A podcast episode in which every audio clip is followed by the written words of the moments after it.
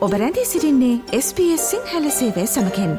වැඩිතුර තොරතුර දැනැනීමට පිවිසන්න ps.com.ta/ Sinhala වෙපඩවයට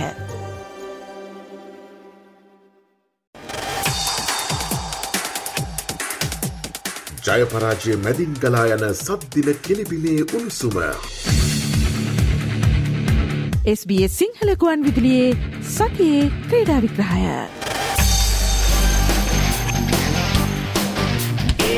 අයිබෝවන් SBS Sinhala සේවේ සතිය ක්‍රඩා විග්‍රහයෙන් අපි අද පළුමෙන්ම අවධානයොමු කරන්නේ ශ්‍ර ලංකා ක්‍රිකට් පරිපාලනය වෙතයි. ශ්‍ර ලංකා ක්‍රිකට් ආයතනයේ විසරුව හරිමින් අන්තර්පාලන කමිටුවක් පත් කරන්නට ක්‍රඩාමාතය රෝෂාන් රණසිංහ මහතා පසුගේදා පීවර ගත්තා. සාමාජිකින් හත් දෙනෙකුගෙන් සමන්විත එම අන්තර්පාලන කමිටුවේ සභාපතිත්වය හිමිවුණේ අර්ජුන රණතුංග මහතාටයි. කෙසේ වෙතත් එම තීරණය අභියෝගයට ලක් කරමින් හිටපු සභාපති ශමිසිල්වා මහතා විසින් අභ්‍යාචනාධිකරණය හමුවේ රිට් පෙට් සමක් ගොුණු කලා. ඒ අනුව ක්‍රිකට් අන්තර්පාලන කමිටුවේ කටයුතු දිනදා හතරකට අත්හිටුවමින් අධිකරණය විසින් වාර්ණනයෝගයක් නිකුත් කලා. මේ සිදුවීම පිළිබඳව පසුගි දින කිහිපේ පුරාවට සමාජය මෙන්ම පාර්ලිමේන්තුවේද දැඩි කතාබාක් ඇති වුණා. යනුව මේ සම්බාධයෙන් ක්‍රඩාමාත්‍ය රෝෂාන් රණසිංහ මහතා පසුගේදා පාර්ලිමේන්තුවේදී විශේෂ ප්‍රකාශයක් සිදු කළා. විගණකාධිපති දීලා තියෙනවන මූල්‍ය වංචා දූෂණ අක්‍රමිකතා වෙලා තියෙනවා කියලා මම දන්නේ නෑ මේ රටේ නීතියට අනුව ඇයි නීතිපතින නඩු දාන්න බැරි කියන කර. ජේෂා මහත්මයාගේ කුඩේට මේ දූෂිත කල්ලිය ආවරණය වෙලායින් මහජන විරෝධය වැලැක්වීම සහ ක්‍රිකට් ක්‍රීඩාවේ අභිවෘද්ධිය වෙනුවෙන් එක්දා සමසය හැත්ත තුනේ අංක විසිපාධරණ ක්‍රීඩා පනතේ බලතල ප්‍රකාරව දූෂණ විෂමාචාර අක්‍රමිකතා සහ යුතුකම් සහ වගකීම් ඉටු කිරීම පැහැර හැරීම සම්බන්ධයෙන් විමර්ශනය කර සුදුසු ක්‍රියාමාර්ග ගැනීමට අවශ්‍ය හේයින් සහ අවශ්‍ය නීත්‍යානුකූල ක්‍රියාමාර්ග ස්වාධීනව විනිවිධභාවයෙන් යුතුව විශ්වාසනීයව ඉටු කිරීමට අවකාශ සලසා දීම සඳහා අන්තර්පාලන මණ්ඩලයක් ස්ථාපිත කරා. මෙන්න ගත්ත ක්‍රියාමාර්ග ටික. හැබැයි මට පේනවා මෙතන කවුරු හෝ ජනාධිපතිතුමාව විනාශ කරන්න උත්සාහ කරනවා. කිරිකලේ කියන්නේ මේ රටේ අධිකරණ පද්ධතිය. ශ්‍රේෂ්ඨ අධිකරණ තියෙනවා හතරක්. අභියා යාචනාධිකරණ තියෙනවා 12ක් මහා අධිකරණ තියෙනවා 32ක් දිස්ත්‍රික් සහ මහේස්ත්‍රාත් අධිකරණ තියෙනවා 125ක් සමස්තය ගත්තොත් 173කට වැඩි. මේ 173කට වැඩි ප්‍රමාණයෙන් එක අධිකරණ කාමරයක ප්‍රශ්නයක් තියෙනවා. නීතියේ දෙවගණගේ අතේ තියෙන තරාදිය ක්‍රිකට් සංගමයට බර වෙලා තියෙනවා. ජනාධිපතිතුමාට තීන්දුවක් ගන්න පුළුවන්. සූදු සම්මිද රොෂාන් රණසිංහද? ලේසි දෙකෙන් එකයි. මම මැද නෑ. මේ ප්‍රකාශය සිදු කිරීමට පෙරදිනේ ක්‍රඩාමාත්‍යවරයා විසින් පාර්ලිමේන්තුවේදී ප්‍රකාශ කර සිටියේ ජනාධිපතිවරයා තමා කැඳවා අදාළ අන්තර්පාලන කමිටුව ඉවත් කරන ලෙස ඉල්ලා සිටි බවයි. ජනාධිපත්තුමා ඊට පස්සේ මට කාර්යාලටත් කතා කරලා කිව්වේ මේ කමිටුව පත් කරපු එක අයින් කරන්න. එහෙම නැතිනම් ක්‍රීඩා නීතිය එතුමා යටතට ගන්නවා අයිය. මං කිව්වා ජනාධිපතිතුමා ක්‍රීඩා නීතිය නෙමෙයි ඔබතුමා මාව අස් කළා කැමති තීන්දුවක් ගන්න. මං කිව්වා මම කිසිසේත්ම පත් කරපු කමිටුව ඉවත් කරන්නේ නැහැ කියලා. අන්තර්පාලන කමිටුවට එරෙහිව පැන වූ වාර්ණනයෝගය පිළිබඳව එහි සභාපති අර්ජුන රන්තුංග මහතා මෙසේ මාධ්‍යයට අදහස් දක්වා සිටියා. ඇයි මේ රටේ මහජනතාව දැනගනි ඉස්සරහට මේ දේශපාලන බල මේ බලපෑම් කියන්නේ මොනවද කියලා. ඉතින් මම හරි කනගාටු වෙනවා. මම අද ඇත්තටම කලකිරුණා. අද රටේ හැම තැනම මුදලට යට වෙලා තියෙන වෙලාවක අපි හිතුවා ක්‍රිකට් ටික මට හදලා දෙන්න පුළුවන් වෙයි කියලා. මේක යනවා ICC එකට.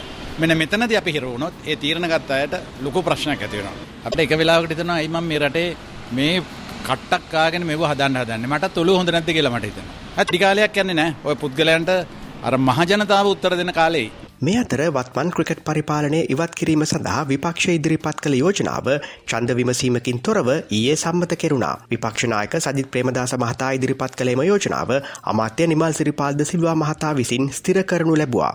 මේ අතර පාර්ලිමේන්තුවේදී මේ පිළිබඳව අදහස් දැක්වූ විපක්ෂනායක සජිත් ප්‍රේමදාස මහතා. ඊයේ දවසෙත් පෙරේද දවසෙත් වාද විවාද බොහොම උණුසුම්. මම දැක්කා දුරකථන ඇමතුමුත් ආවා. කොහොම හරි මේක ජර්න් කරන්න ජර්න් කරන්න දිවාහාරයට නතර කරන්න නතර කරන්න. නමුත් මේ සභාගර්භයේ ආණ්ඩු පක්ෂයේ හිටපු ඒ කණ්ඩායම කාගෙන් කොමන බලපෑමක් ආවත් ලංකාවේ ක්‍රිකට් ක්‍රීඩාව ගැන හිතලා බොහොම වැදගත් එකතු වෙන තැනකට ආවා.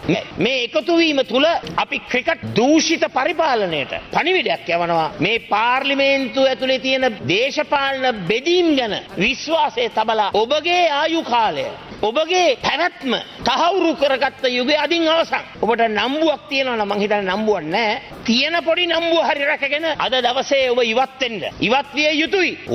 අද දවසේ මේ 225ම ICC එකටයි ජාත්‍යන්තර ක්‍රිකට් පරිපාලනයට පෙන්වලා දෙන්නට ඕන. මේගොල්ලෝ කොච්චර දූෂිතද කිව්වොත් ජාත්‍යන්තර ක්‍රිකට් කවුන්සිලයත් අල්ලගෙනද. ඒගොල්ලන්ට අමතකද දන්නේ නැහැ. 69 ලක්ෂයකින් පත් වුණු ජනාධිපති ජනාරගලයකින් ගෙදර යන්න සිද්ධ වුණා. ඔබව ගෙදර යවන්න අපි අරගලයක් කරනවා. ව්‍යවස්ථාදායකය අද එකතු වෙනවා සේම මේ ගමනට විදායකයත් එකතු වෙන්න ඕන අධිකරණයත් එකතු වෙන්නට ඕන. මට තර්ජන ගර්ජනත් ඇවිල්ලා තියෙනවා. මට මුන්ට මම බය වෙනවා. මම දන්නවා රොෂාන් රණසිංහ කියන්නේ හොරෙක් නෙවෙයි.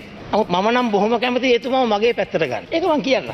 හිටපු අමාත්‍ය විමල් වීරවංශ මහතාද මේ සම්බන්ධයෙන් පාර්ලිමේන්තුවේදී අදහස් දක්වා සිටියා. ක්‍රිකට් පාලක මණ්ඩලය විතරක් නෙවෙයි තේරීම් මණ්ඩලේ. එතන තමයි ලොකුම අවුල තියෙන තැන. මම පුද්ගලිකව මේක දන්න නිසා කියන්නේ. අර ටොස් එක දින්න ඉන්දියාවත් එක්ක මැච් එකේ මහේල ජයවර්ධන තමයි උපදෙස් දීලා තිබුණේ කණ්ඩායමේ නායකයාට ටොස් එක දින්නත් බැට් කරන්න එපා ඒගොල්ලන්ට බැට් කරන්න දෙන්න. දැන් මේ වගේ තීරණ පිටිපස්සේ තියෙන කතා මොනවා වෙන්න පුළුවන්ද? දැන් මට ආරංචි ඉතුම බලාපොරොත්තු වෙනවලු ලංකාවට ආවට පස්සේ ඒ සම්බන්ධයෙන් ප්‍රකාශයක් කරන්න. ඒ ප්‍රකාශය කරනවට මම ගොඩක් කැමතියි. මට පුළුවන් ඊට පස්සේ මම නොකියපු කියන්න තියෙන තව කරුණු ගොඩක් තියෙනවා. ඒ අනුව ඒවා ඉදිරියට කියන්න. මේ අවස්ථාවේදී හදිසියේම සභාව ඇමතු ක්‍රීඩා අමාත්‍යවරයා මෙසේ පවසා සිටි අතර ඒ සඳහා විපක්ෂ නායකවරයාද ප්‍රතිචාර දක්වා සිටියා.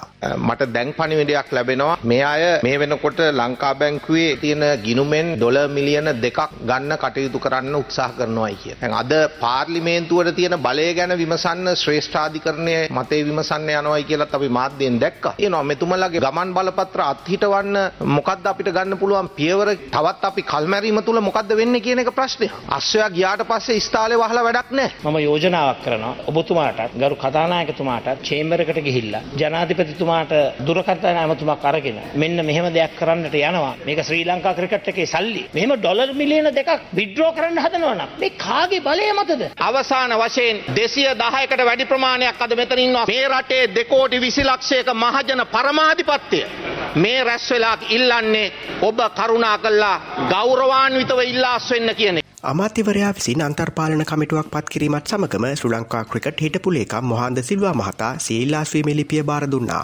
ඒ අනුව මේ වන විට එහි වැඩ බලන ලේකම්වරයා ලෙස කටයුතු කරන ක්‍රෂාන්ත කපුවත්ත මහතා අදාළ සිදුවීම් පිළිබඳව මෙසේ මාධ්‍යයට අදහස් දක්වා සිටියා. ආමාන්‍යයේ මනුස්්‍ය වශයෙන් නීතියක් ධර්මයක් සදාචාරයක් රටේ තියෙනවා. ඒ නිසා අපි ගරු අධිකරණයේ පිහිට පැතුවා මේකට සාධාරණයක් කරලා දෙන්න. ඔය කියන දේවල් අපි කරලා නැහැ.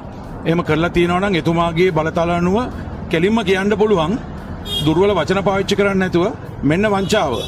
මෙන්න මේ වංචාවට උත්තර දෙන්න කියලා එතුමාට කියන්න අවස්ථාවක් තියෙනකොට සියලු දෙනාම හොරු හැටියට සඳහන් කරලා මේක ඇතුළට අපි එලියට දැම්ම ඒ නිසා තමයි අපි ගරු අධිකරණයට ගිහිල්ලා නීතිය පිහිට පැතුවේ මේ අතර ශ්‍රී ලංකා ක්‍රිකට් විදායක කමිටුවට ඉවත් වන ලෙස බල කරමින් සමාජ ක්‍රියාකාරීන් පිරිසක් විසින් සංවිධානය කළ විරෝධතාවක් ඊයේ ක්‍රිකට් ආයතන ඉදිරිපිටදී පැවැත්වුණා.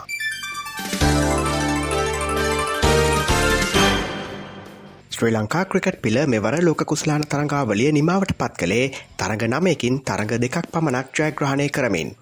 ඒ නවසීලන්තේ සමඟ පැවති තරගෙන් ශ්‍රී ලංකා පිළට කඩුළු පහක පරාජයක් හිමි වුණා.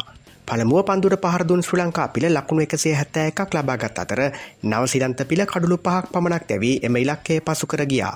මෙම පරාජය හේතුවෙන් ශ්‍රී ලංකා පිළ ප්‍රසාද ලකුණු සටහනේ සිටින්නේ නමවන ස්ථානයේ. ශ්‍රී ලංකාවට පිටුපසින් සිටින්නේ නෙදර්ලන්තේ පමණයි.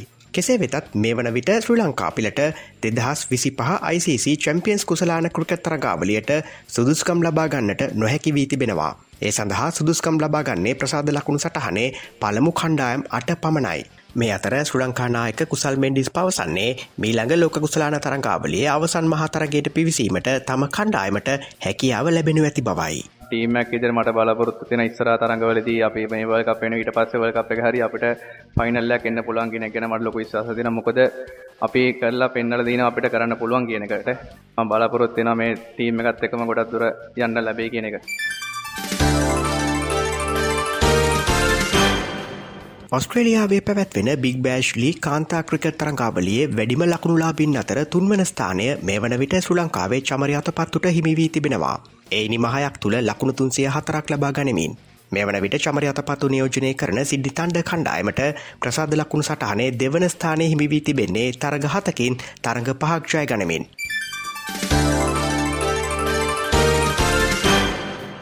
SBS සිංහල සේවේ සතිය ක්‍රඩා විග්‍රහයෙන් අපි දැන් අවධාන යොමු කරන්නේ ඔස්ට්‍රලයානු ක්‍රඩා පිටිය වෙතයි. ලෝක කුසලාන ක්‍රිකට් තරඟාවලේ අවසන් පූරවටේ සඳහා සුදුසුකම් ලබාගන්නට ඔස්ට්‍රලියාව පසුගේදා සමත් වනා. ඇෆ්ගනිස්ථානය සමඟ පැවති තරගෙන් කඩුළු තුනක ජයක් හිමි කර ගැනීමත් සමගින් ඔස්ට්‍රලියාවට මෙම අවස්ථාව හිමි වුණා. ජයග්‍රහණය සඳහා ලකුණු දෙසියානු දෙක ඉලක්කයක් හබාගේ ඔස්ට්‍රලයානු ඉනිමේ ගලෙන් මැක්ස්වෙල් වාර්තා කළ ලකුණු දෙසිය එක කැපී පෙනුණා. මේ ඔස්ට්‍රලයානු ක්‍රඩකයෙකු එක්දින තරගයකදී වාර්තා කළ පළමු දිත්ව ශතකයයි. මේ වන විට තරගාටකින් තරග හයක් ජයගෙන සිටින ඔස්ට්‍රලියාව ප්‍රසාද ලකුණු දොලාහකට හිමිකම් කියනවා. ඔස්ට්‍රලියාව මූලික වටේ තම අවසන්තරගයට හෙට මුහුණ දෙන්නේ බංගලාදේශය සමකින්.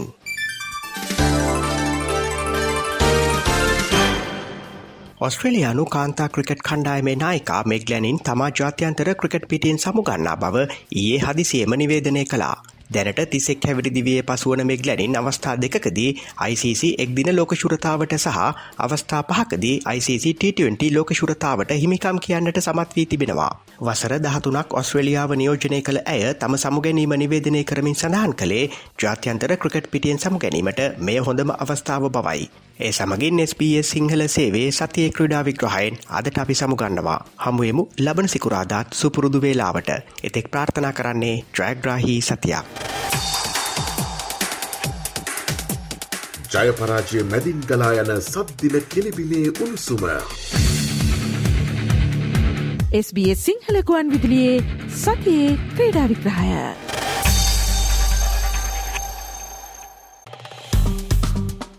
ලයි කරන්න ෂයා කරන්න අදහස් ප්‍රකාශ කරන්න SBS සිංහල ෆස්බුක් පිටුව ෆලෝ කරන්න.